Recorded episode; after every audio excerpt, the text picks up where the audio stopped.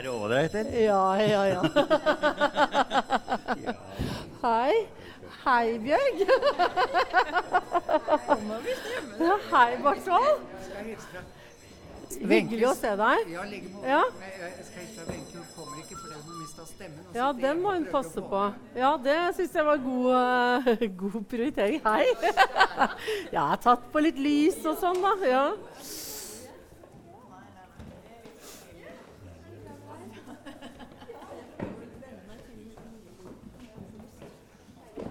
Vil du ha noe vann eller noe sånt, du, eller? Ja, vann. Jeg har fått et vannglass, skjønner du. Vann. Jeg sa nei i stad, men da Men uh, når du men nå, nå sier jeg ja. Hei. Hei.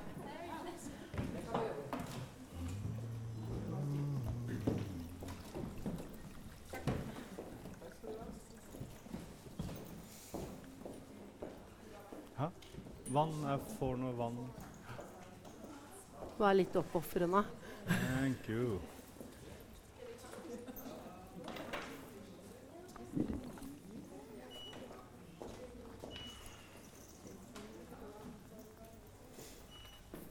Jeg ble til og med tilbudt vin. Men jeg sa nei. Ja, det er s- også. Jeg sa det tror jeg Da går det rett utfor. Jeg heller vurdere det etterpå.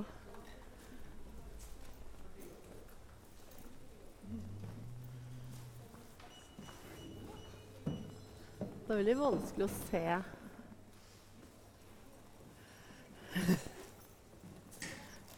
Men jeg sa jeg kunne Hvis folk ikke er så veldig gira og fram og sånne ting, så kan jeg liksom gå gjennom formen, og det tar jo sånn fem minutter. Ja, ja, ja. Fordi at den, den er jo litt annerledes enn den hun gjør på den videoen. Så det kan jo være et poeng. Ja, Men igjen, du får bare Vi ser hva som Vi ser hva som skjer. Good, good idea. Det er ikke Nei, ja. Det var forresten ei som ringte meg i dag, Ja.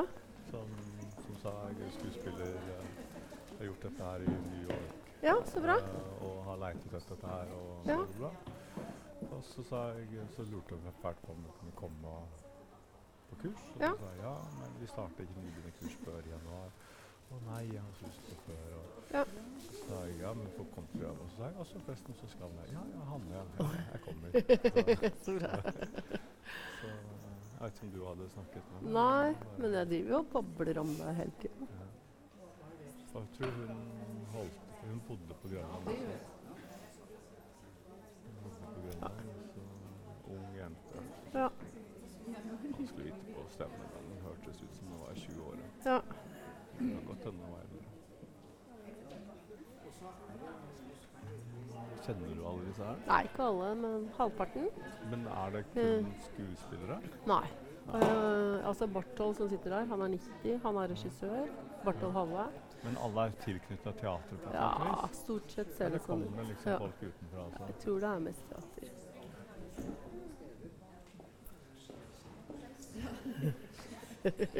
Hallo og velkommen til Dramatikkens hus og til vår eh, foredragsserie. Veldig kjekt at uh, så mange har kommet. Og i dag skal vi få høre på Hanne Semta, som de fleste kanskje kjenner er teatersjef ved Nationaltheatret. Det har hun vært siden 2009, og før det var hun teatersjef på Rogaland Teater. Det var i 2005, så det er faktisk Gratulerer med ti år som teatersjef. Johoi. Utrolig bra. Um, Hanne Semta skal snakke om tai chi. Det står egentlig qigong, men det er kanskje på programmet. Så jeg håper ikke det kommer mange qigong-entusiaster som er dypt skuffet i dag. Men eh, det kan kanskje du forklare litt mer om, Hanne. Vær så god. Takk skal du ha. Jo, det her eh, må jeg si bare for å starte et sted, at det er å befinne seg så langt uh, utenfor komfortsonen som det går an å være. Og spesielt da For egentlig skulle jeg holde dette foredraget i vår. eh, og så svarte jeg bare raskt at jeg kan sikkert snakke litt om qigong. Og så bare dytta jeg det foran meg. Men eh, så viste det seg jo at der hvor jeg går, og han som sitter her, heter Harald Øygård. Det, det er rett borti gata på Grønland, på noe som heter Nordisk Tai Chi og Qigong Senter. Eller bare Qigong-senteret. Da skjønte jeg etter hvert at jeg går jo ikke på qigong, jeg. jeg går på noe som heter tai chi. Eh, sånn at eh, jeg er helt på siden. Og så er det jo sånn at eh, Egentlig tenkte jeg skulle begynne litt før jeg begynte med det. Jeg tenkte at jeg skulle være, eh, prøve da, å være litt ærlig og litt personlig. Så da var det egentlig greit at Mathilde tok denne CV-en med ti år som teatersjef. Eh, og det er jo en fantastisk jobb som eh, 98% vil jeg si, består av gleder og følelsen av å være privilegert og få lov til å bestemme repertoar og søke om penger hos Kulturdepartementet og bli litt misfornøyd når man ikke får alle pengene, men det går allikevel. Men i hvert fall, det er en utrolig flott jobb fordi det er en masse fantastiske mennesker man møter og jobber sammen med hver eneste dag. Og det at det man lager, treffer et publikum. Uh, så skjedde det da, etter at jeg hadde vært da, teatersjef da, i fem år, uh, en, uh, det som kan kalles en Hva heter det? Livsomveltende opplevelse. Det er ikke så veldig dramatisk egentlig i utgangspunktet, men for meg ble det det. Og det var det at pappaen min døde. Og han var egentlig helt frisk. Uh, og fikk fra en dag til en annen vite at han hadde kreft. At det ikke var noe problem. Uh, at han bare kunne operere det bort. Så han spaserte inn på Aker sykehus en vårdag. Det var i påskeferien. Og så kom han død ut igjen. Uh, og for da den familien min, som ikke er så enormt svær, så ble det helt absurd. Og det gjorde noe med meg. Så da ble jeg som scorer da, Jeg er jo da, siden jeg har søkt på to teatersjefsjobber, blitt undersøkt grundig eh, av sånne opptakskomiteer og sånn. Og da annet så tar man noe som heter personlighetstest. Og da scorer jeg eh, veldig høyt på det som heter toleranse for stress. Eh, så jeg er kjempegod på stress. Jeg er nesten sykt god på stress. Eh, men så er det det at når noe skjer, eh, så kan det som egentlig er en styrke, som i alle tilfeller, bli en stor svakhet. Sånn at den eh, stressmuskelen min den fikk seg et, eh, et, skikkelig slag. Og jeg klarte ikke helt å skjønne at det hadde noe med Jeg vet jo det, jeg har visst det hele siden jeg ble født, at faren min og moren min kommer til å dø, og at vi alle dør. Uh, sånn at uh, det, var, det, i seg selv var ikke noe sjokk, men det som ble uh, merkelig for meg, og som på en måte rokket med måten å se ting på, det er jo det at en som er i utgangspunktet helt frisk, bare kan dø sånn. Det gjorde at jeg da begynte å stille spørsmålstegn ved ting jeg aldri hadde gjort før, og brukte masse kapasitet på det som heter tankespinn, eh, som egentlig ikke tok meg noen steder. Men jeg elsker å google. Jeg er jo fryktelig glad i at eh, når man går inn på en Mac, at internettet heter Safari, for da virker det liksom så positivt. det virker ikke som du bare sitter i tre-fire timer og soser, men du er jo på jakt etter noe. sånn. Eh, og da ble jeg jo ofte hengende på sånne merkelige danske nettsteder som heter stressforeningen.dk og sånn, og tips da, til folk som er stressa. Og da, eh, på en artikkel der sånn, så leste jeg at eh, tai chi og qigong, det er genialt. Det er en måte å ja, få ut eh, negativ energi og fylle seg opp med positiv energi. Og er en, en eh, ja, Hva er det lov å kalle det? Nå er jo Harald her fordi at som sagt, jeg vet ingenting, men det vet han. Så nå han må bare korrigere hele tiden. Men Nei, en form for eh, meditasjon i bevegelse, kanskje. Uh, hvis noen har prøvd akupunktur, som hvor man snakker mye om eh, energibaner i kroppen eh, ved hjelp av nåler som, som, trykker på og åpner opp, så er dette kanskje å sammenligne med akupunktur uten nåler. Eh, og mange som driver med akupunktur, driver også med tai chi eller qigong.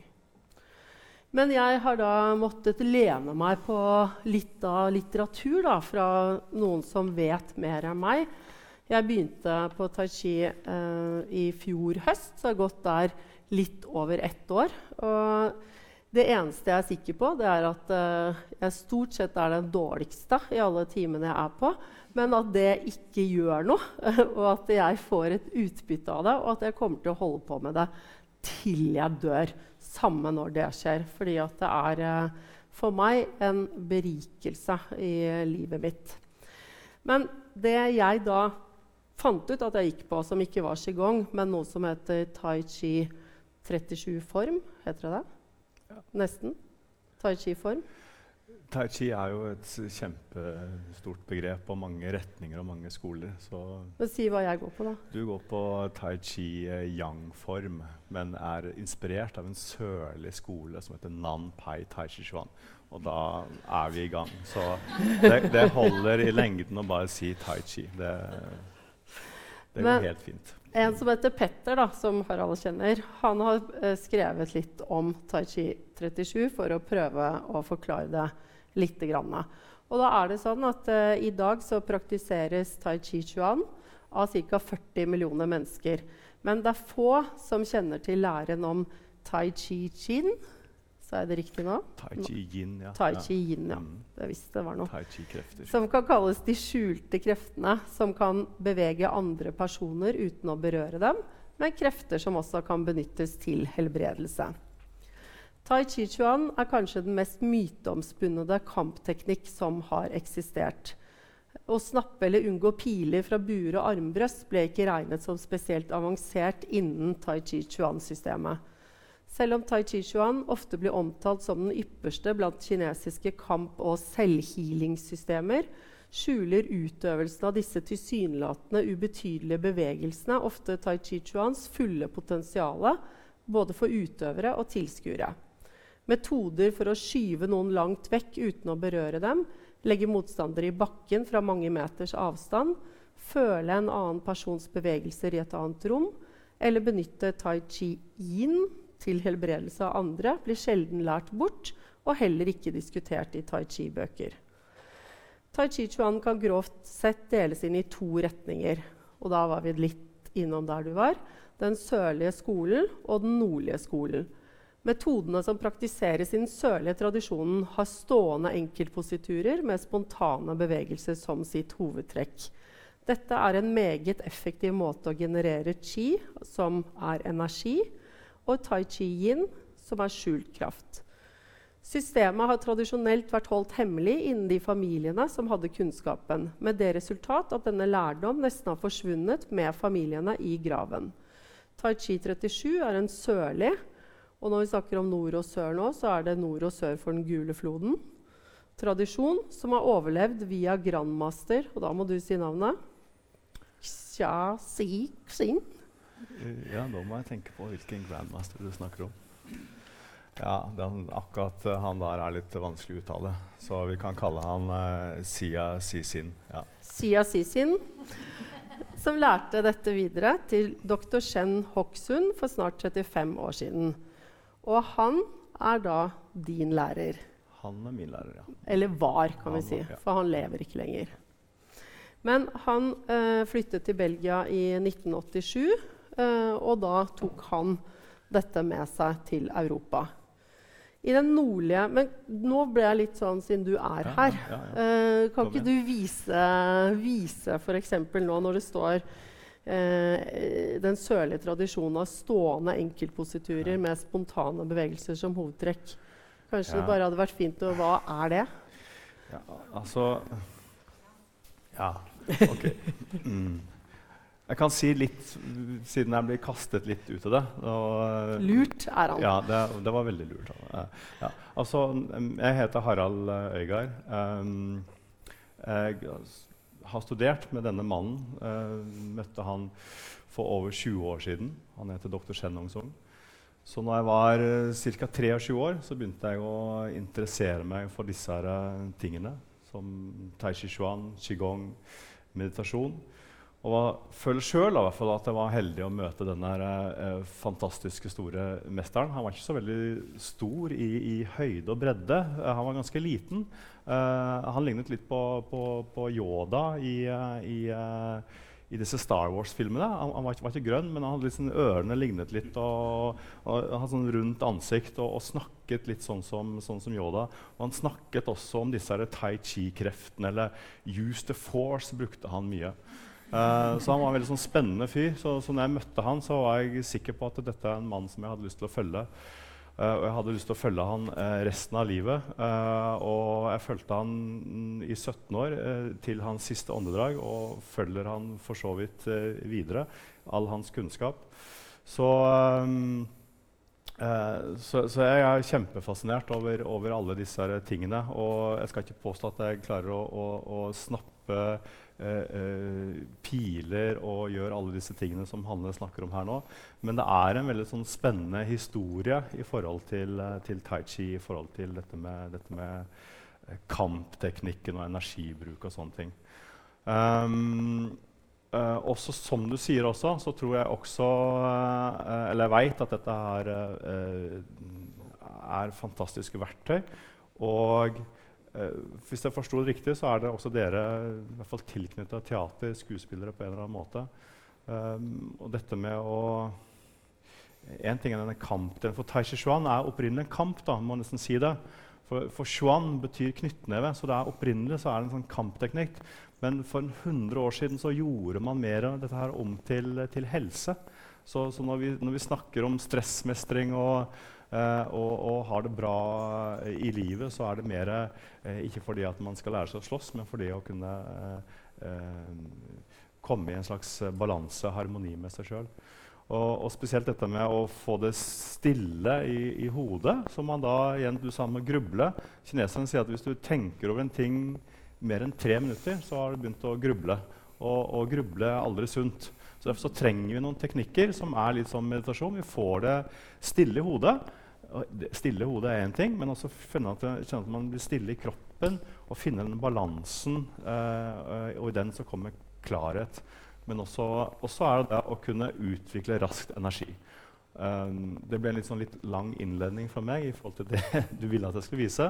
Men i, uh, i, uh, i denne nordlige delen da, så, så har man eh, så mange kjenner igjen da, fra sånne sett filmer fra, fra, fra parkene i Kina.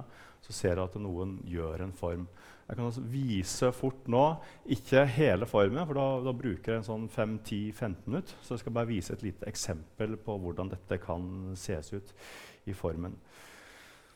Yes, ok. Da prøver jeg å koble meg på, som det heter. Koble meg på energien koble meg på i forhold til hvordan jeg strekker og åpner i alle leddene i ryggvirvlene. Prøve å slappe av i musklene samtidig som jeg åpner leddene. Jeg finner også kontakt med magen. Jeg finner også kontakt med jorda. Så starter jeg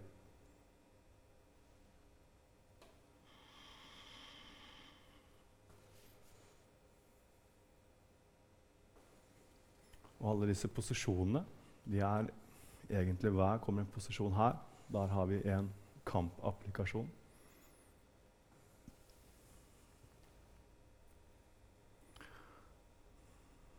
Her er egentlig å skyve kanskje sånn 14-20 stykker i alle retninger. Så kommer det en der som jeg bringer inn og skyver bort. Så kommer det en ny som meg. Så er det å brekke noen armer her. og Skyve personen mot fjellet.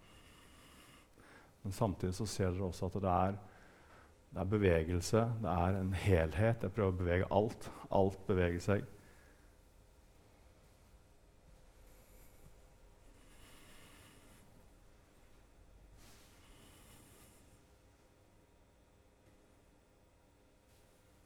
Sånn kan vi holde på i lang tid. Si hva den siste heter, da, for det er så fint. Oh, ja. Så den her, da, det er en posisjon som heter Bai He Lian Chi. Jeg har eh, I tillegg til å jobbe eh, som leder på dette Qiong-senteret, så jobber jeg også som daglig leder i en barnehage. Og akkurat nå så har jeg en liten eh, kinesisk jente. Så jeg sier at jeg, jeg kan kinesisk. sier jeg. Bai He Lian Chi, sier jeg. Og så bare ser hun rart på meg. Så jeg sier det sikkert helt feil. Men det her heter Bai, bai He Lian Chi, og det er noe så eh, fint som en hvit trane som sprer vingene. Så jeg sprer vingene. Men egentlig så er det Hvis Hanne kan komme hit, så er det egentlig å slå nesa inn i hodet. Så, så mange av disse tai chi-posisjonene er jo egentlig kampretta. Så det er liksom å brekke noen armer, vri rundt noen testikler, slå inn noen neser og sånne ting. Men, men samtidig så er det med å raskt få tilgang til energi.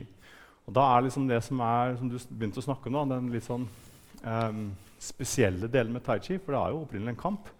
Og noen begynner å lure på ja, men hvordan skal vi slåss da, gjennom dette her. Kan du vente litt, jeg er snart kommet til den posisjonen. Så hvis du stiller der, så kommer jeg snart til deg. Man kan ikke gjøre det.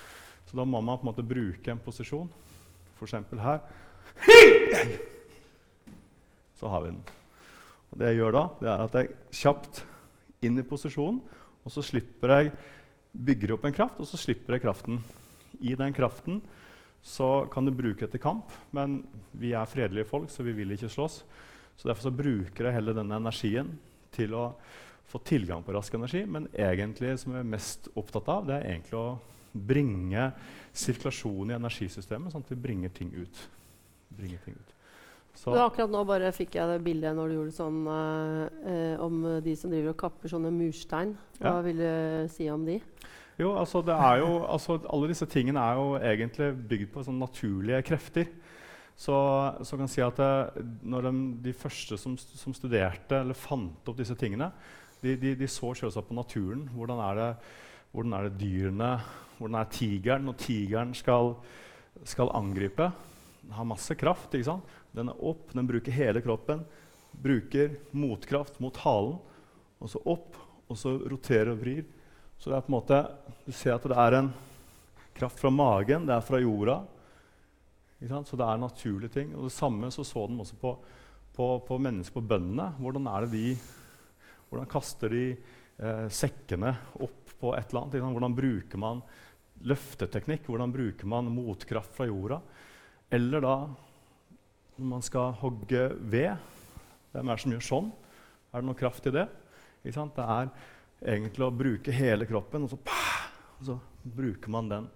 Så samtidig også hvis du skal knuse noe, så er det på en måte hvordan du bruker kraften, hvordan du får tilgang til kraften. Du, hvor, og, og, man vet også at hvis jeg skal hogge ved og bruke masse muskler, så blir det jo bare tull.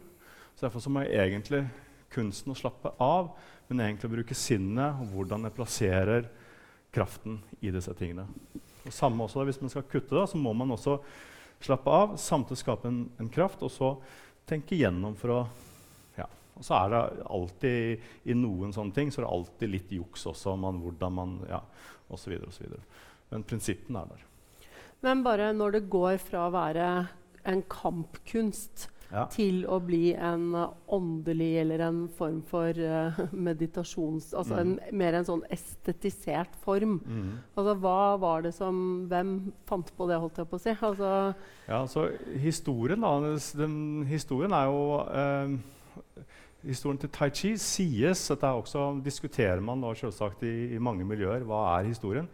Uh, og så snakker vi om Kina, og der har man også uh, hvem er som bestemmer historien, og maktspill og politikk og hele pakka. Så det er veldig vanskelig å For du skal ha den rette linja osv. Men de fleste de mener at Tai Chi hadde en 800 års historie. Hvor da eh, Kina lå un under mongolsk styre. De kalte det en sånn terrorstyre. Hvor, hvor de sier at ti familier de, de hadde tilgang til én kniv som de kunne bruke til matlaging. Hvis den kniven ble borte, så, så, slaktet de alle disse ti familiene, for de var redde for å bruke disse her. Men så, men så oppfordret de til, til, til, til uh, åndelighet og til, religion. Så da var det eh, en munk som var en taoistisk munk, som da brukte da filosofien til taoismen, som, yin, som mange kjenner yin-yang-filosofien. Som er egentlig tai chi-filosofien også. Og så brukte de at myk kraft kan overvinne sterk kraft. Og så lagde de da, sies det, lagde en, en tai chi her, som da frigjorde Kina fra mongolsk styre, sier historien. Og Da ble de veldig berømte, disse tai chi-folka. Men så kom jo kuler og krutt, og de, de ble liksom mistet litt sin, sin greie. Uh, og så har liksom utviklet de seg dette her til På begynnelsen av 1900-tallet så var det også keiserfamilien ble interessert i det her, og de begynner å skjønne at det, dette her er jo ekstremt bra for helsa. For å være god til kamp så må du være mjuk, fleksibel. Ikke sant? Du må ha en smidighet. Du må, du må være årvåken. Du må være Du må, være, du må nesten sense motstanderens angrep før den kommer. Ikke sant? Du kan ikke være stressa og eh, bare i ditt eget hue. Du må, du må liksom Ja, du må ha disse her også snakke om energisystem. Da, De skjønte at for å få rask tilgang til dette her, så måtte energisystemet åpent. Og er disse tingene på plass, så, så er man liksom mer i harmoni. Og Derfor er også mange som snakker om disse kinesiske kamputøverne. Når de mestrer kunsten sin, da, da, trenger man på en måte ikke bruke til kamp heller. Da har man på en måte den freden. og Derfor så blir det også koblet opp mot mot det åndelige aspektet eh, og meditasjonen som du snakker om. Mm. Eh, også det, de var også opptatt av å kunne helbrede eller hjelpe andre. Så de fant ut denne, disse, disse, mystiske, men kanskje ikke så mystiske kreftene kunne også bruke til å, til å, til å behandle og hjelpe andre. Så um, ja, så, var, så, så ca. for 100 år siden så var det flere tai chi-mestere. At nå har vi et nytt flagg. Nå har vi en ny Tai chi er for helse. Så Derfor så kan man si at i dag, av alle de millionene som trener tai chi, så, så, så, så trener de for helse og, og velvære og um, å finne, å komme i vater, da, rett og slett. Da. Og så er det kanskje bare 5% som bare er også interessert i kampdelen. Den som er vist nå med sånn enkeltposisjoner, det sies da å komme fra den sørlige delen. Noen sier også den opprinnelige formen for tai chi, hvor man, hvor man da eh, ikke hadde form. Hvor man mer Man sier at det eh, 'invisible with no form', sier, sier, man. At man er eh, Man bare jobber med enten enkeltposisjoner eller bare forstå eh, energisystemet og kreftene i det. Så, så den enkelt, hvor man bruker noe som kalles halvspontan bevegelse. Dvs. Si at eh, det er ikke så viljestyrt. Det er ikke sånn at jeg, jeg gjør sånn, eller som karate eller annen type muskelkraft. Da. Det er med at jeg, jeg, står, jeg står i en posisjon. Jeg, etter å ha trent lenge så har jeg en forståelse av at eh, jorda har en energi, eller jorda har en kraft da, eller en støtte. Så hvordan jeg står, for å få tilgang eller stå balansert da, på dette her. Hvordan jeg står i forhold til energisenteret i magen. Hvordan jeg åpner leddene. Hvordan jeg slapper av. Så egentlig så, så, så plasserer jeg kroppen og bruker pusten og sinnet på en helt spesifikk måte. Så egentlig så bygger jeg opp, og så er det nesten som at jeg tenker som om jeg eh, forestiller meg et angrep, og så bare slipper jeg dette her løs på en måte. Og når jeg slipper det løs, så er det ikke muskler. Da er det mer, mer en ren kraft da, som prøver på. Så det er mer den sørlige delen. Mens de fleste som trener tai chi, og de fleste som har sett tai chi, ser tai chi eh, trent i en form. Og de fleste også ser at det er veldig mange eldre som trener. For det er, veldig, det er masse sånn forskning som kommer. Tai chi er så bra for, for eldre. Uh, uh, så forbinder mange også tai chi med noe som eldre gjør. Um, derfor er det også mange, og mange er veldig sånn opptatt av at man skal slappe av. så Derfor så kan man se også veldig mye tai chi som er veldig nesten er litt sånn litt, sånn, litt for avslappet. For man skal ha harmoni, og så blir man litt sånn ja. Så derfor så, I den sørlige delen, tenk, eller egentlig opprinnelig, så er det balansen mellom det å eh, mm, eh, Det å slappe av, men også bygge kraft. Da, mental kraft og hele pakka. For det er opprinnelig kamp. Så da må du ha Mye av disse teknikkene er sånn Du skal forestille tigre som angriper i alle retninger. Så det er liksom du skal ha den årvåkenheten og kraften. da. Nå tar jeg over Jeg syns det er helt fantastisk. Nei, men det som jeg hadde kommet til, var jo da bare fra det sørlige til det nordlige. Og her, her står det at uh, i den nordlige tradisjonen praktiseres tai chi slik som de fleste kjenner den, med bevegelsen som gir myke overganger fra den ene posisjonen til den neste. Og så varieres det mellom 24, 48 eller 106 posisjoner. Ja, og noen har 108, så det er også litt forskjellig. så mange alternativer. Ja, ja, eh, altså, jeg har jo sittet på YouTube i hele dag, og jeg vil jo si at eh, det er et hav å ta av. Men yang-stilen er den mest kjente stilen fra denne tradisjonen. Og denne retningen ble overlevert fra grandmaster Yang Sheng-fu. Og han sies det da var en av de første som tilrettela det som en ren helseform. Helt riktig. Mens Tai Chi 37 er den detaljerte læren om hvordan man kommer i kontakt med og dyrker tai chi yin-kreftene. Så jeg kan, jeg kan, få si det, da, siden vi er inne på dette mm. med den, den liksom spesielle varianten da, med, ja. tai chi, med Tai Chi 37. Så når uh, denne mesteren, uh, dr. Shen Hong-sung, kommer, kommer, hit da, på, til Vesten i, på slutten av 80-tallet så velger han da å ikke undervise den mest vanlige. Han, han, han mener, uh, og flere hvis man også googler dette her, som du er god på, google, så finner man ut at mye av den sørlige retningen den, den er omtrent tapt. Eh, noen påstår at eh, mange av, av, de sist gjenlevende mestrene de ble, de ble, bombet under andre verdenskrig. fordi de, de, de, skulle da flykte mot Shanghai, og så var det mange av de som, som eh, som forsvant. Så, så, han mente da at eh, dette er en lære som holder på å bli tapt. Dette er den desidert beste, raskeste veien til å forstå tai chi-krefter, som man bruker enten til kamp eller som vi er mest opptatt av, til å uh, rushe, rense systemet, men også få, få rask tilgang til, til det, vi, det, mange kaller en slags ungdommelig kraft, eller en, en ja, så, så, så, derfor så er det liksom eh, Det er ikke så mange som underviser akkurat den, den delen av tai chi. Men uh, da kan jo du fortelle denne gamle, kjente kinesiske historien om kongen av apekattene.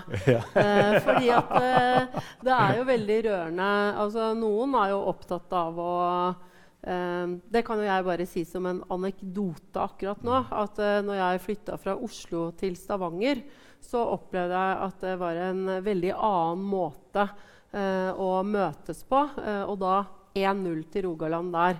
Fordi at eh, er det en form for delingskultur. Så hvis noen eksempel, ja, Hvis du møtte en kjent norsk filmregissør som satt på Kunstnernes hus da, i Oslo, så satt han liksom med et sånt hoff og snakket sånn veldig hemmelig om den neste filmen og det han skulle gjøre. Men, og det var om å gjøre å ikke det var om, ja, fortelle det til noen og holde på det. Mens hvis du kommer på Sementen i Stavanger, så sitter på en eller annen måte, om det er Arild Østund eller om det er Kristoffer Joner eller noen, og bare 'Vi skal lage en film med noen som har en campingvogn.' Altså, det er bare en, og det opplever jeg på en måte Er det noe av det fine mesteren din sto for? At det å på en måte kunne noe, eh, det er også å dele det med andre. Og Derfor så var den apekatthistorien veldig ja, rørende. Det er, ja. det er litt sånn Historien i, til Kina og disse tingene også er jo egentlig motsatt. Fordi de var jo livredde, disse store mesterne, for å miste, miste kunnskap til andre familier. For dette var jo levebrødet deres. Så de, var, de, var, de, holdt på denne kun, kun, kunnskapen. Uh, og de kunne heller ikke levere, gi det til datteren, for datteren ville jo kunne gifte seg til en annen familie.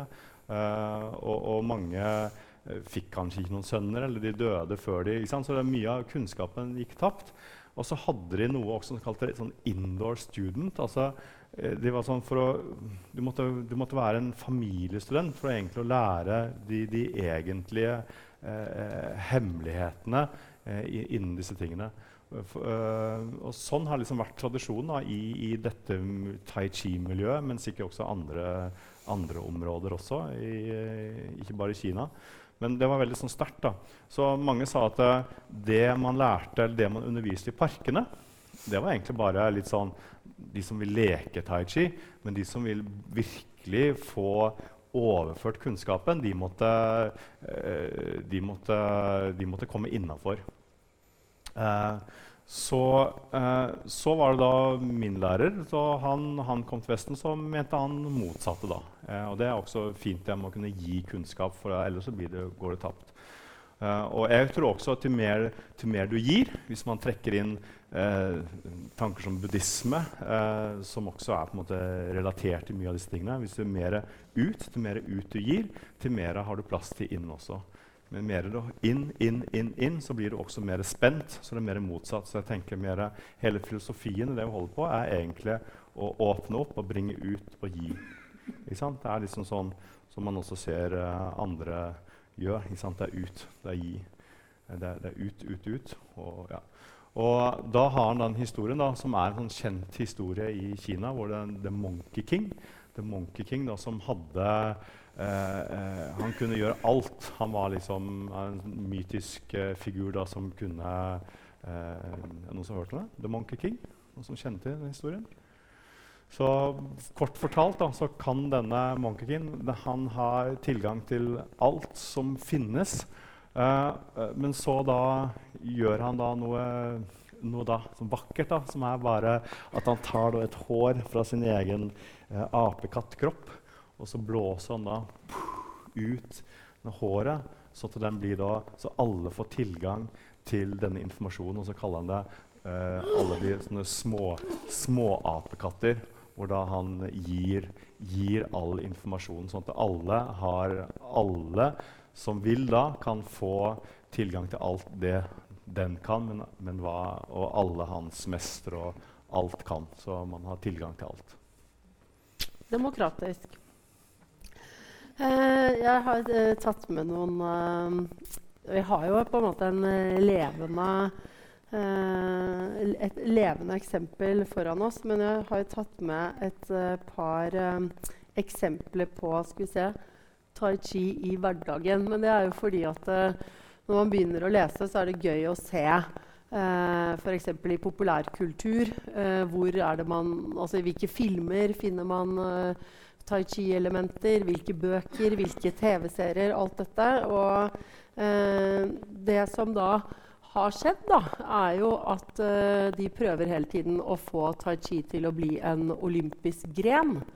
Eh, men den eh, er da det som Hva er det det heter når det er bare en oppvisningsøvelse, og ikke eh, sånne reelle OL-medaljer. Så de- Men jeg tok eh, hvert fall og fant en film fra eh, det første verdensmesterskapet. Og da tok jeg ikke gullvinneren, jeg tok rett og slett sølvvinneren på damer. Det var litt eh, prinsipielt.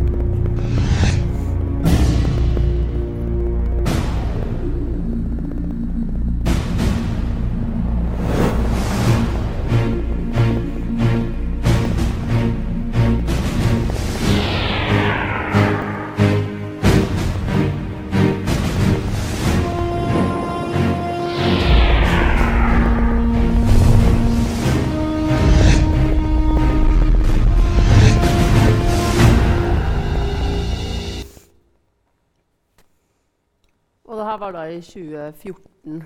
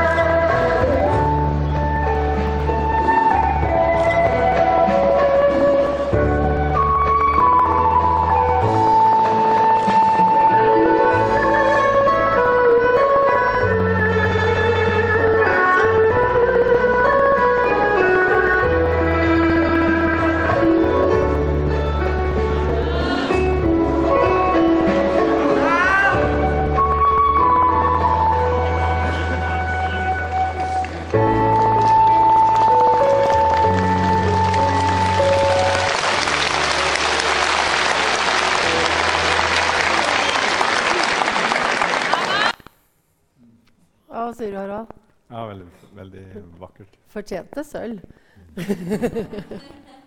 Man får veldig lyst til å gjøre sånn, gjør man ikke det? Men hva er forskjell på den formen hun gjør, da? Nei, det er uh, samme utgangspunkt. det er jo det. Ja da. Hun sa jo 'knuser øra på noen' og Ja, gjør alt det vi driver med. For, hvorfor han spør, det er igjen altså, Tai chi uh, er uh, Man har mange En ting er snakket om sørlig og nordlig retningen. Eh, Jeg vet ikke hvor interessert dere er i denne delen av historien, men, uh, men man har alt fra noe som heter Wu-style, Chen-style, Hao-style, Sun- Sun-style, sa Sun-style. Eh, og det mest kjente, da, som hun viser nå, Yang, Yang-stil. Og det da er ut fra Yang er ut fra familienavnet Yang, eller familienavnet Wu, familienavnet Chen, familienavnet Sun osv. Men så også hvis man Og så er det uh, millioner som trener Yang-form. Og så er det også mestere som endrer litt. Så det er alltid masse forskjellig. Så det er et, igjen da, et hav av forskjellige stiler, og de samme stilene også kan ha forskjellige varianter. Er dette en, koreografi, eller, eller lager du den underveis? Ja, Det der er en koreografi. Det er en fast, eh, et fast mønster som det går. Men igjen, da, sånn som med, med, med skuespill, altså du skal ha Eller musikere, eller hva det enn er. Én ting er å, å kunne Ok, jeg veit jeg skal dit, og foten skal dit og dit, men det handler også om energien i det. da. Hvis du er litt sånn dødt, men teknisk god du må alt, du må, De som virkelig er gode, de Eh, noen sier også at de virkelig gode de ville aldri stilt opp på noe sånt. For du har eh, eh, Ja, du skal på en måte ha energien. Du skal ikke, du skal ikke følge slavisk en koreografi. da. Men jeg tok med også bare fordi at vi var litt inne på dette med de kreftene som fins, og dette med myk kraft og hard kraft. Ja, og det, det er jo et veldig, også et veldig sånn selvsagt uh, diskutert emne. Så dette Og er litt weirdo, det vi skal se nå. liksom du. Har ikke sett det. Eh, nei, vet, nei, men det er også i sånn som i alle, alle skoler og alle retninger også, så er det liksom hva, hva, hva er fake, og hva er ekte? Uh, og noen mener at uh, Til og med mange som trener tai chi, som tenker at nei, energi det fins ikke. Tai chi handler mer om fysisk kamp.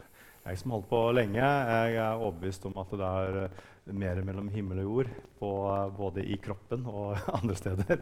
Så, eh, så det er mye, man kan, mye spennende man kan få til. Men man må alltid være litt uh, skeptisk til uh, disse tingene.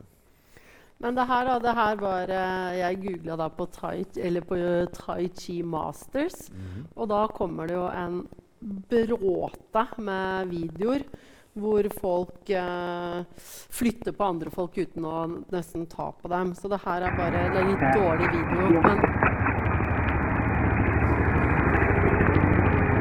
Men Der kom han, ja.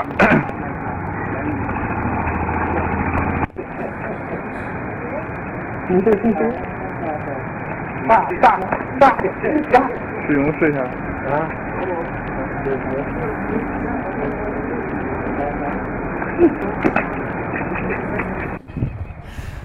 老妈妈。哎，最近呢？最近呢？行，你看，来来来，行行。我滚蛋！哈哈哈哈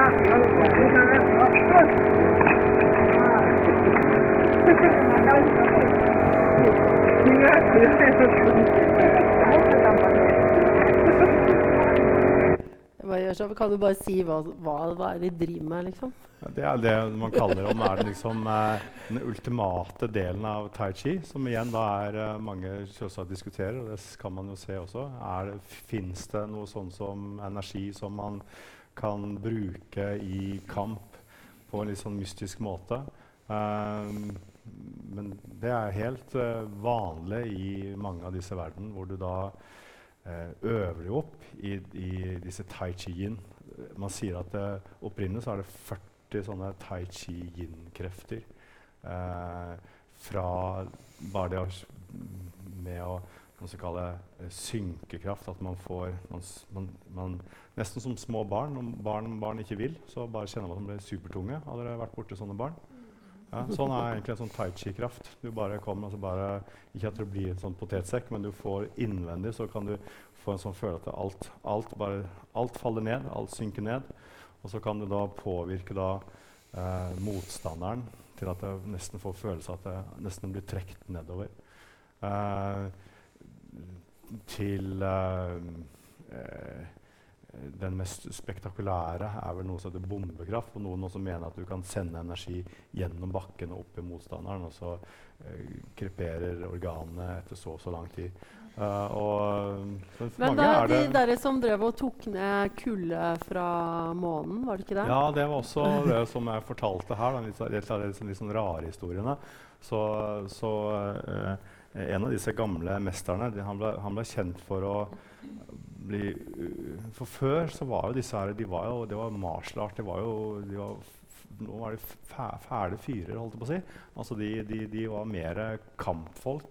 Så noen hadde sånne teknikker hvor de da eh, de, de, de tok kulden fra månen, og så, og så på en eller annen måte så, eh, så brukte de denne kulden da i, i, i, i kamp. Og hvis man brukte denne kulden, da, så, så disse motstanderne de blir kjempedårlige. De begynte å kaste opp og bli og det, det sies at er, øh, jeg tror onkelen til en av disse her, Yang Shenfu han, øh, han, hadde, hadde så få studenter, for de, de ble så kjempedårlige. Fordi, øh, fordi han, når han trente kamp, da, så, så ja. Så, så, så da konkluderer vi at det, det er ikke noe bra metode å ta ned kulde fra månen. Det gjør vi ikke på Qigong-senteret. Men eh, det fins jo da tai chi i men, men, men, men ja. det de gjør, da, det er jo egentlig at de senser, da, som vi viser der Hvis jeg skal prøve å forklare, så kan jeg si at de, de, disse mesterne de, de, de senser da en type energi. da, Og så bruker de den energien, og så egentlig så kontrollerer de den sånn at de, de, de bringer den tilbake. på en måte De, de snur energien. til Eh, den som kommer bort, og så får den ja, i retur? kommer, du kommer, Ja. for du kommer med noe, og så klarer de på en måte å plukke opp dette her da, på et eller annet vis. Og så, så klarer de ved teknikker da, som egentlig altså, hvordan man spiral, bruker spiral, hvordan man bruker leddene og musklene. Altså man, akkurat som man, man snur retningen, og så akkurat som sin egen energi kommer tilbake. Og da kan det være eh, tror jeg, at hvis det er noen som på en måte er, sensitive sensitiv på dette, for jeg tror ikke det funker på alle, så noen som er sensitive, som, som får en eller annen opplevelse at de, de faktisk blir, blir dyttet tilbake. Så ja. Nei, det får Jeg vet ikke hva svaret der, gitt.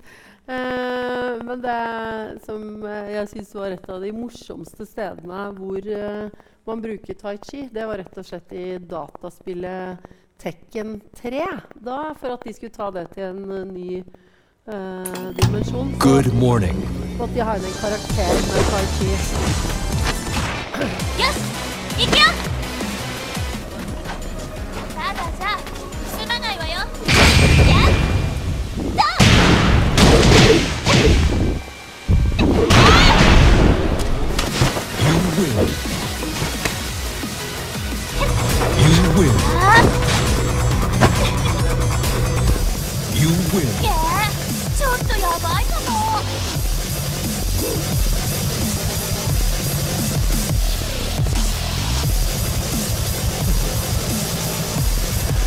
Nei, så man kan jo velge hvor uh, utøvende man vil være. Man kan da rett og slett sitte og gjøre sånn og prøve tai chi hjemme foran TV-en.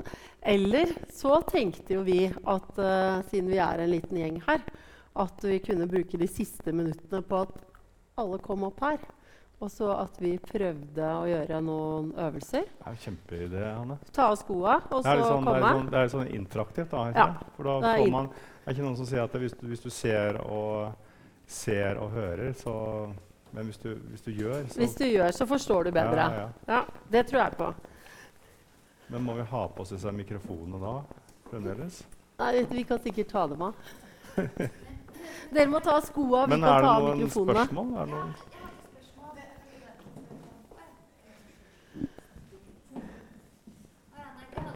Jo, det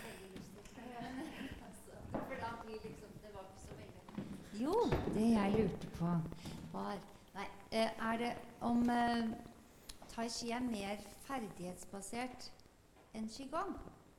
For jeg har vært bare noen sånne begynnerklasser i begge, og jeg syns at tai chi faktisk var ganske vanskelig Ja. å huske. Altså, jeg følte meg helt elendig. Eh, mens qigong syns jeg var eh, ja, ikke, Ja. ikke så komplisert.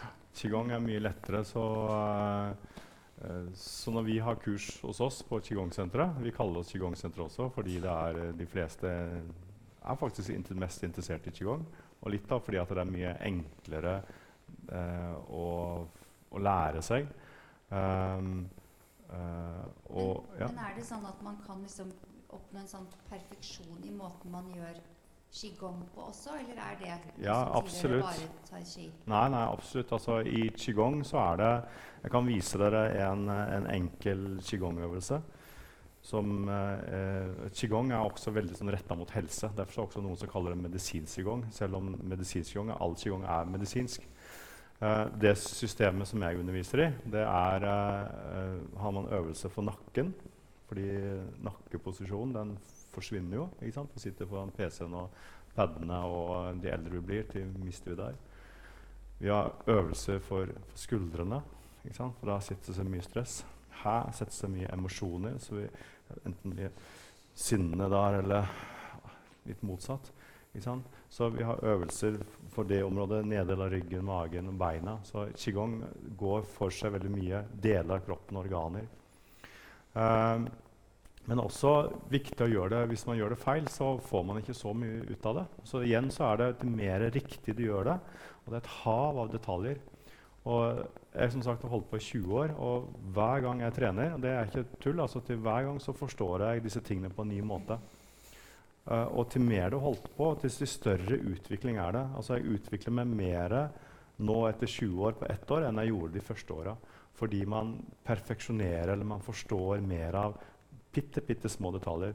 Hvordan du vrir på knærne, hvordan du åpner det leddet, hvilken mental holdning du har til, hvordan du kjenner hvordan du bruker pusten, hvordan, hvor, hvilken retning håndleddet er, osv. Så, så, okay.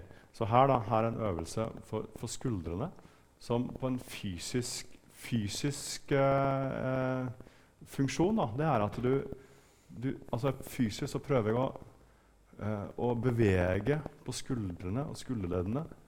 Prøve å skape bevegelse der. Samtidig som jeg åpner, prøver å strekke. Og, og mentalt så prøver jeg nesten å skyve ut, nesten som jeg skviser kroppsvæske og blod, altså energi, ut mot fingertuppene. Akkurat som jeg tar bort takeaway. Derfor sier vi en Chinese takeaway.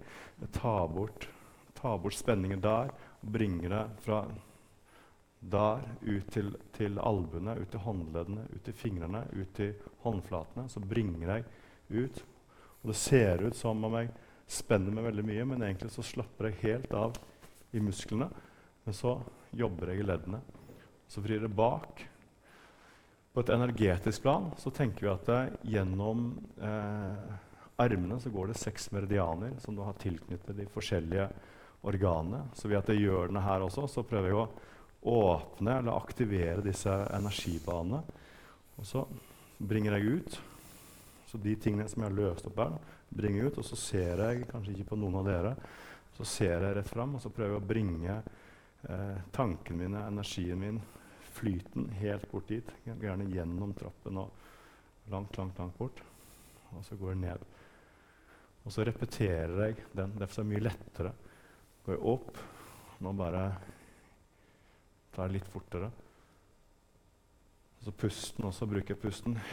Så jeg slipper pusten ned og ut. Så jeg aktiverer ned mot magen.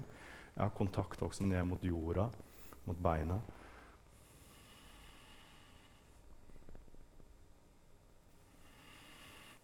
Så det er mer qigong, så det er mer enklere, men likevel veldig detaljert. Hvis du gjør sånn her, så har det ingen funksjon. Eller at jeg har tyngden bakpå her. Ikke sant? Du ser her, det er ikke så veldig vakkert. Ikke sant? Så så mye hvor jeg har tyngdepunktet. Tyngdepunktet treffer et helt spesifikt sted i magen, som er et viktig energisenter. Jeg står på et helt spesielt Hvis du ser på de slitte skoene mine Jeg står på et helt spesielt sted, for der har jeg tilknyttet med jorda. Så jeg får liksom en Akkurat som en flyt da, fra, fra jorda, fra bakken, opp der. Hvordan det står, hvordan tyngdepunktet er ned. Så alt, alt treffer mentalt. Hvordan jeg slapper av, hvordan jeg åpner, hvordan jeg strekker. Oppmerksomhet. altså veldig som oppmerksomhetstrening også. Også tilstedeværelse, som de kaller mindfulness nå. ikke sant? Det er jo, hvis jeg, jeg gjør det her, og så tenker jeg på, tenker på noe helt annet, så har det, ikke sant? Du må ha, du må ha som sier, skjønn, da. Vi må ha oppmerksomhet. Jeg må, ha, jeg må være til stede der og da. Og Når gjør man disse tilstrekkelig nok gangene, så kjenner man man blir varm og god. Fort veldig varm. Varm i magen, varm i hendene, blodsirkulasjonen. Kjenner at det, åh, så deilig. Nullstille seg og mer på plass. da. Og så ser jeg også så jobber jeg veldig mye med hold, holdning, kroppsposisjon. Ikke sant? Det er veldig eh, Før så var jeg mer sånn, for, å, for, for 20 år siden.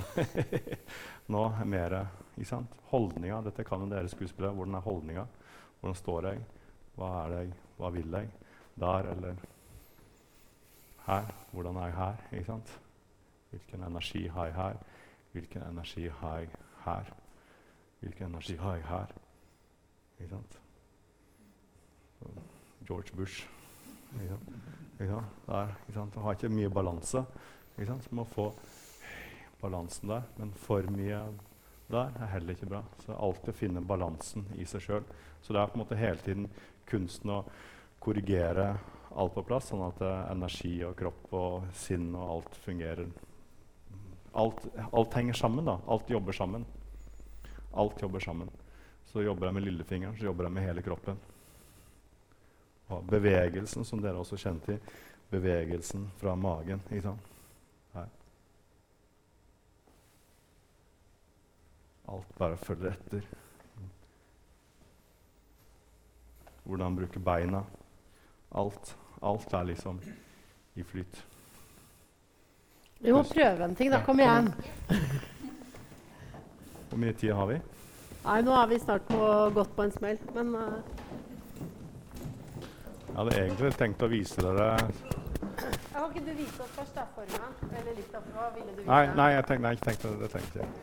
Jeg tenkte jeg skulle undervise dere i noe som heter tiger, tigerøvelse, men uh, kanskje ikke. Ok, skal dere stå sånn? Greit.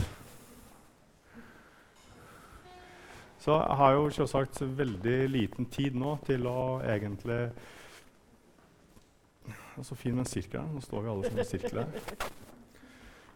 Jeg har veldig liten tid til å få det til å forstå disse tingene, men jeg kan likevel guide dere inn i en sånn grunnposisjon, som er egentlig sånn fundamentet, som egentlig handler om å få tak i dette energisenteret som kineserne kaller dantien. De kaller det eh, hjertet av energisystemet. Eh, en slags vital kraft, eller ungdommelig kraft, og det er jo kult å få tilgang til. Så, så vi skal prøve å aktivere det området. Så dette her handler egentlig om å få energipumpa i gang. Men etter hvert så handler det også om at kroppen sjøl kan begynne å regulere seg eh, både energetisk og fysisk. Så det jeg gjør nå, jeg skal guide dere inn i en stående posisjon. Eh, men når, eh, det aller viktigste er egentlig den siste setningen jeg kommer til å si til dere. Det er 'glem alt'. Og det er, når jeg har glemt alt, så skal dere prøve egentlig å eh, Hvor vanskelig, vanskelig det egentlig er. Bare nullstillhet. Bare å følge etter, se hva som skjer. Se hva som skjer. Noen kjenner at det blir varme, noen kjenner at det nesten kroppen har lyst til å bevege seg eller korrigeres litt. så er det helt ok. Så det første vi gjør da, det er at vi står i det vi kaller parallelle føtter. Eh, det vil si at vi står,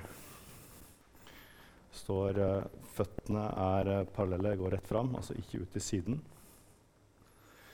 Vi har også skulderbredde, dvs. Si at eh, vi har føttene ikke her ute eller her inne. Det er sånn cirka skulderbredde.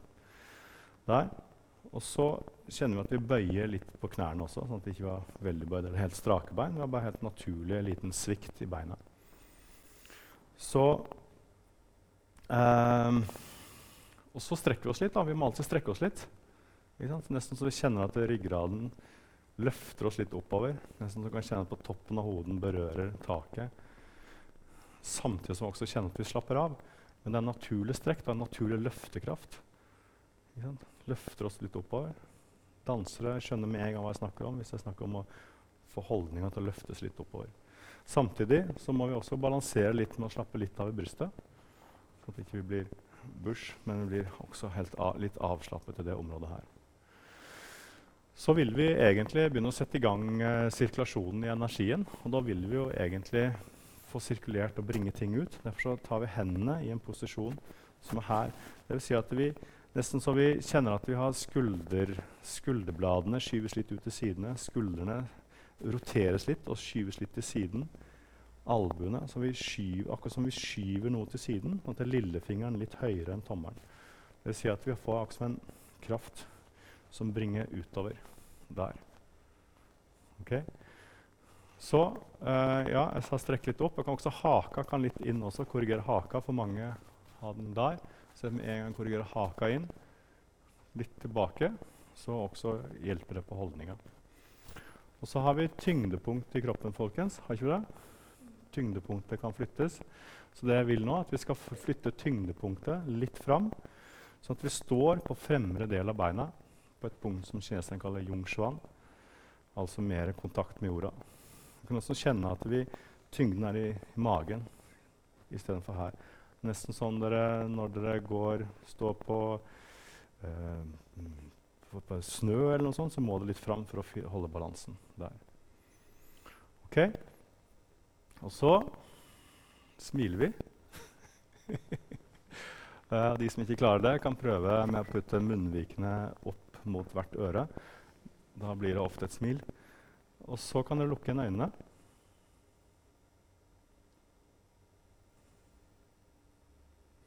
Og siden dere er skuespillere, så jobber jeg litt sånn energetisk også. Så jeg bare går rundt og hjelper litt dere, både fysisk, men også litt sånn energimessig. Hvis det går greit for dere. Uh, så dere lukker igjen øynene. Kjenn også nå at dere, at dere slapper av i musklene i beina. Dere trenger ikke å bruke mye, mye krefter. Det er nesten sånn dere får en følelse av at dere står bare på beinstrukturen. Hvis det er vanskelig å slappe helt av og få det stille, så kan dere bringe bevisstheten litt ned mot magen eller ned mot beina.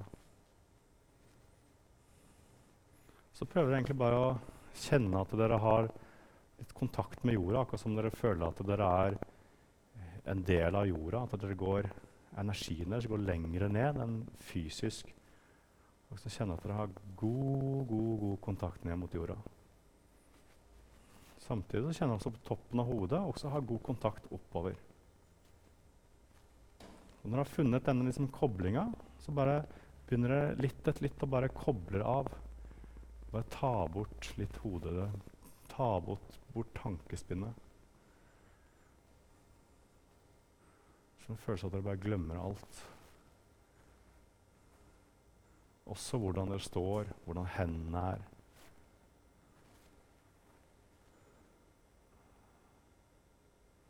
Hvis det nesten noen kjenner at det, kroppen har lyst til å bare regulere seg litt, eller energien regulerer seg litt, så bare la dere det gjøre det.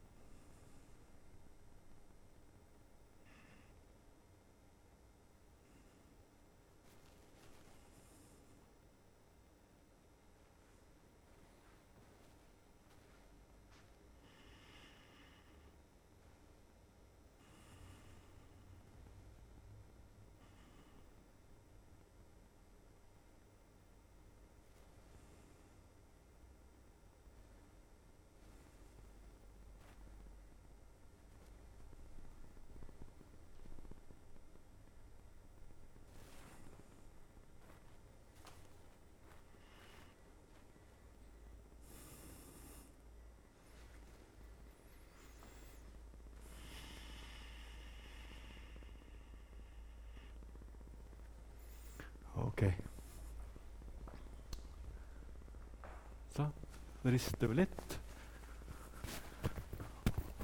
Hvordan føltes det?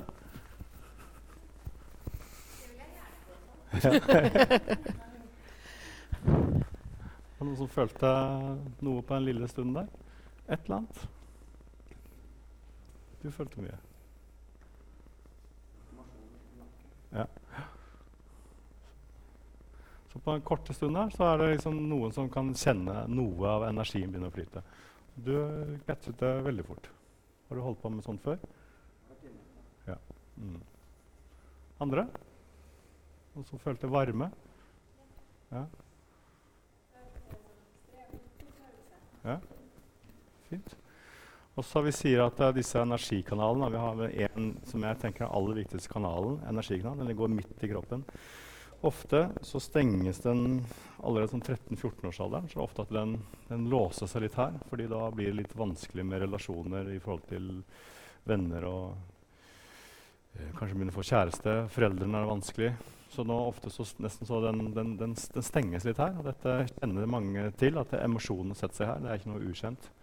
Men ofte den, du får denne energitaket, energien, så begynner den å gå nesten så den begynner å, begynner å ta tak i dette som er blokkert. Når den spontant begynner å åpne her, så kan nesten kjenne at det blir, plutselig så blir sånn veldig lykke.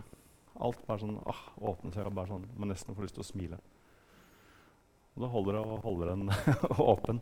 Men å jobbe med å få åpna disse tingene er veldig, veldig bra. Andre ting?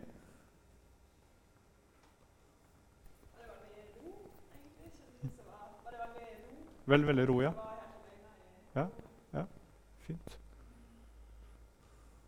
Bra. Lys, ja. ja.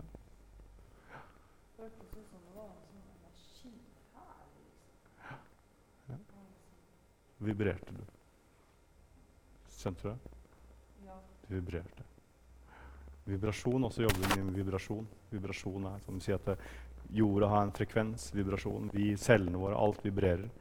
Så vi får en slags vibrasjon opp. Så vibrasjon er uh, Vibrasjon er uh, lett, åpner lett. da, åpner lett. Både som, eh, som, en slags healingkraft, men også som en kamp. Ikke sant? Sånn, ping! Ikke sant? Dyrene bruker jo masse vibrasjon og ikke sant? strekke seg. Så, ja. så dyrene har skjønt det. Og, og, barna har skjønt det.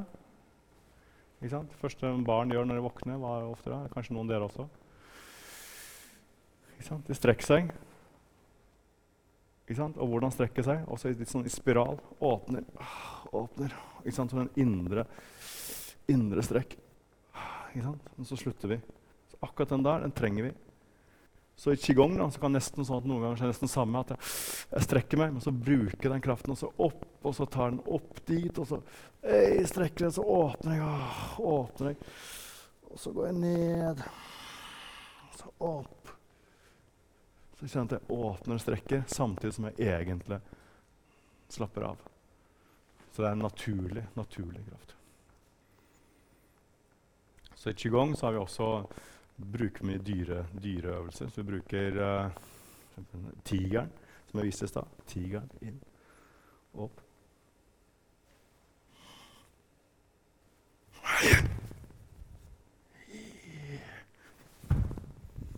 Man bruker tigerens kraft, eller apekattens uh, Apekatten, som er sånn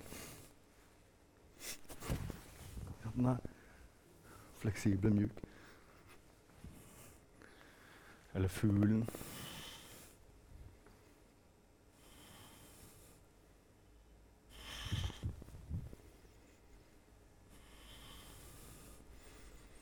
Eller pingvin. Vil dere prøve litt fugl? Fugledagen? Ok, da må dere stå litt Gjør sånn.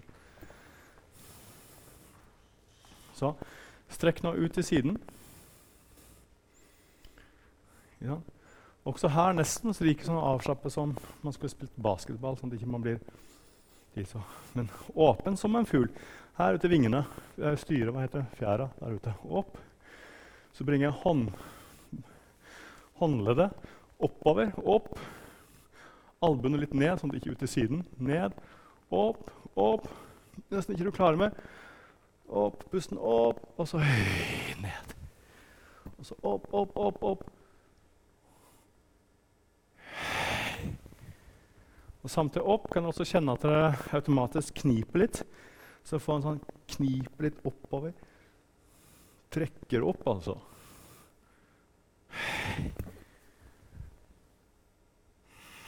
Så må dere bli fugler. Nesten å føle at dere er en fugl som flyr lett som en fugl.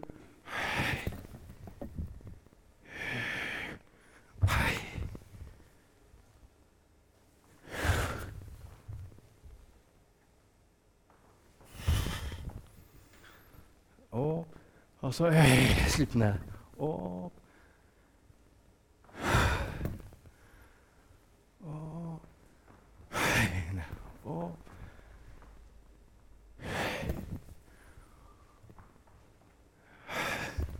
Fly away. Opp.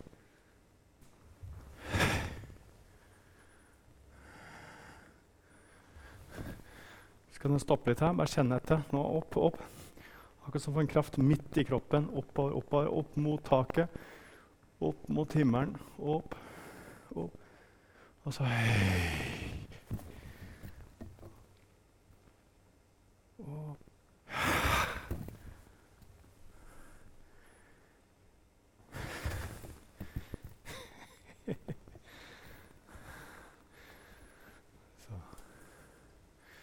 Så finnes det masse, masse, masse, masse, masse øvelser. Skal vi, vil dere mer, eller hva vil dere? Vi må kanskje slutte. Er vi 20 Ja. minutter på overtid? Hvis jeg kan få lov å eh, reklamere litt òg, da. Er, er, det lov? Ja, nesten kanskje det jeg har gjort nå, prøvd å gjort. Men, eh, men det som jeg syns er, er interessant, det er at eh, eh, Som sagt, jeg har holdt på lenge, holdt på i 20 år. Og, eh, og det har liksom alltid vært populært, og mange, men i det siste så syns jeg det liksom har vært veldig sånn eh, pågang på å kunne lære qigong og lære tai chi. Så på senteret vårt nå på Grønland så har vi i sommer så var det Så sendte vi ut litt sånn Lagde en liten sånn fin hjemmeside og så ut litt på Facebook og sa ok, nå starter vi snart med qigong. Og på én uke så hadde vi 30 påmeldte. Og så da, nei, da har vi fullt. Så må vi lage en ny nybegynnerklasse. På et par uker til, så vi, egentlig Før vi egentlig skulle begynne å markedsføre, så fikk vi liksom kjemperespons. Og det har vi også gjort nå, at vi har laget noe som vi kaller sånn 100-dagerskurs, hvor de som er nye, får lov å være med litt over en lengre periode. Og så gir vi dem en oppfølging med litt sånn videoer og e-poster. Litt sånn som er litt innenfor tiden, hvor man ekstra, føler at man får en ekstra oppfølging. Og så er den ca. 14, 14 ganger. Eh, sånn at man har en sånn intensiv introkurs, sånn at eh, nybegynnere får lov å føle at de er nybegynnere litt over lengre tid. Litt mer enn det Hanne følte, hvor hun ble bare kastet inn i en måned. Og så plutselig så eh, forventet vi at hun var videregående. Så, du vil på tre nybegynnerkurs. Det er bra. Ja. Så, eh, og nå har vi faktisk, eh, før vi nok en gang har begynt å markedsføre oss, så har vi egentlig ikke egentlig, vi har jeg sjekket nå i sted, vi har 30, over 30 på venteliste som har lyst til å være med på kurs framover. Eh, og vi er jo rett i nærheten. Vi er en sånn oase på Grønlandsleir 14, rett over uh, Lompa. det jeg fant ut. På andre siden av gata der er det en 220 kvadratmeter uh, sted. Selve salen er litt over 100 kvadratmeter med 4-5 meter under taket. Så det er, uh, det er et flott sted som vi har vært heldige å få tak i. Så bli gjerne med eh, og utforsk tai chi qigong. Som sagt så tror jeg eh, alle har nytte av det. Eller som eh, eh, jeg, Sist jeg så noen, noen forskere som sa at de visste ikke helt hvorfor eh, det var så bra. Det måtte være noe med Litt sånn fordi det var sosialt, men det var på flere nivåer, både fysisk og psykisk. Men de sa at hadde folk visst hvor bra det er, så ville folk ha rent ned disse sentrene.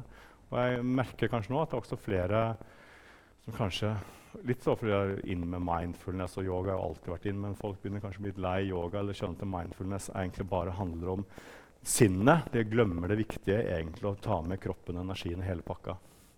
Så hvis man virkelig i dybden, så er tai chi og qigong eh, fantastisk. Men tai chi er litt mer, som du sa, det er litt mer Du skal liksom lære det. Du skal lære deg dit, og så skal du dit, og dit, og så skal du dit. ikke sant? Og så skal du opp, og så der, og så skal du ta, ta 40 stykker der, og så kommer en der og en der, og så, ikke sant? Og så skal du inn. Ikke sant? Så det er liksom du, du skal lære deg en form før du egentlig begynner å kjenne flyten. Men når man har lært seg å begynne å kjenne flyten, så syns jeg at tai chi er liksom, for meg er det det ultimate.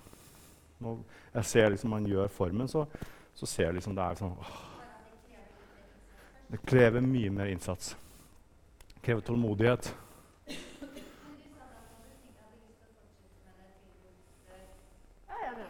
Det.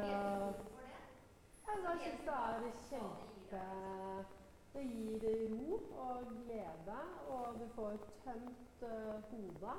Og det er jo sånn som jeg gikk på skolen som Persburg så begynte veldig mange av timene Kanskje det jeg kjenner litt igjen. At kan nå bare dere få makaronen ut, liksom? Altså bare å få kvitte seg med alle mulige tanker, og så være til stede i det man er. Og så man kan være egentlig Ja, i går Jeg går på mandager, og da er det to og en halv time. Og i går jeg var altså helt så tett som en potte.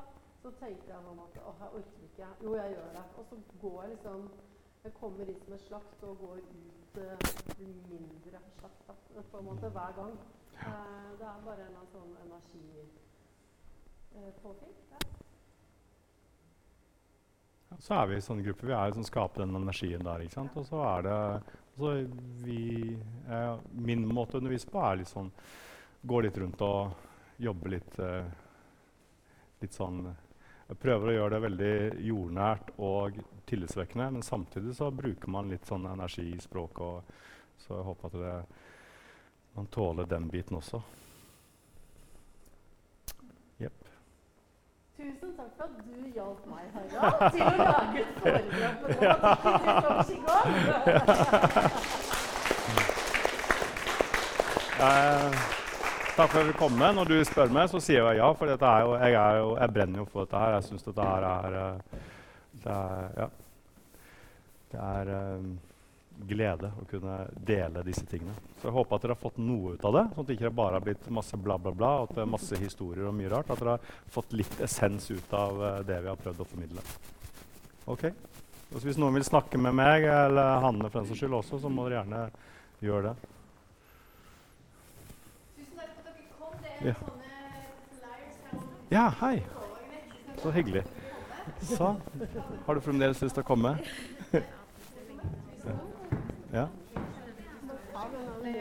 Skal jeg ta den Ok, igjen? ja. Men. Mm.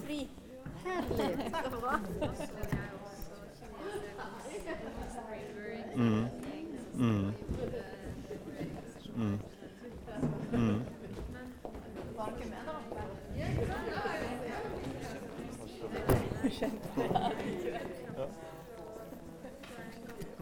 Mm.